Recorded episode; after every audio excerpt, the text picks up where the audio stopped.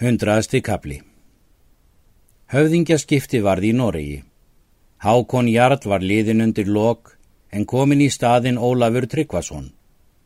Urðu þau örlög Hákonar Jarls að karkur þræll skar hann á háls á rímul í Gaulardal.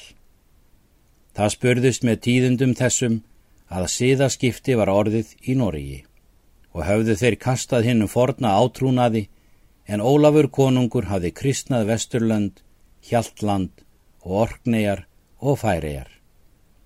Það mæltu margir menn svo að njáln heyrði að slíkt væri mikil fyrir að hafna fornum síð og átrúnaði. Njáln sagði þá. Svo lís mér sem hinn nýji átrúnaður muni vera miklu betri og sámunni sæl er þann fær heldur og ef þeir menn koma út hingað er þann sið bjóða, þá skal ég það vel flytja.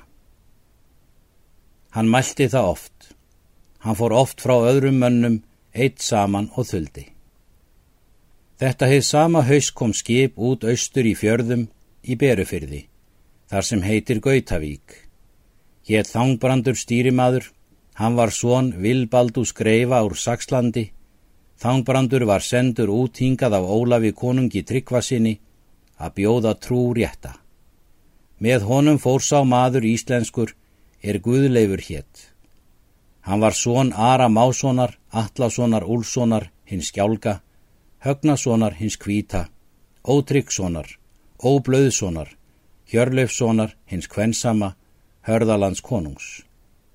Guðleifur var vígamaður mikill og mannar haustastur og harðgér í öllu. Bræður tveir byggu á Berunesi, hétt annar Þorleifur en annar Ketill. Þeir voru Holmsteins sinir, össurarssonar, hins breyðdalska. Þeir lögðu til fund og bönnuðu mönnum að eiga kaupi þessa menn. Þetta spurði Hallur af síðu. Hann bjóða þvotta og hjáltafyrði. Hann reyði til skips við þrjá tígu manna. Hann fyrir þegar á fund þangbrands og mælti til hans. Hvort ganga ekki mjög kaupin? Hann segir að svo var. Nú vil ég segja þér mitt erindi, segir Hallur, að ég vil bjóða yður öllum heim til mín og hætta á hvort ég geti kaup fyrir yður. Þangbrandur þakkaði honum og fór til þvóttár. Um haustið var það að þangbrandur var úti eitt morgun snemma og let skjóta sér tjaldi og söng messu í tjaldinu og hafði mikið við því að hátíð var mikil. Hallur mælti til þangbrands. Í hverja minning heldur þú þennan dag? Mikael Engil á daginn, segir hann. Hver rauk fylgja engli þeim? segir Hallur. Mörg, segir þangbrandur. Hann skal meta allt það sem þú gerir bæði gott og illt og er hann svo miskun samur að hann metur allt það meira sem vel er gert. Hallur mælti. Eiga vildi ég hann mér að vin. Það mynd þú meiga, segir þangbrandur, og gefst þú honum þá í dag með guði?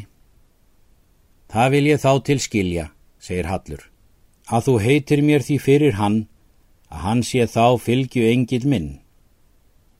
Því mun ég heita þér, segir þangbrandur tók Hallur þá skýrn og öll hjú hans.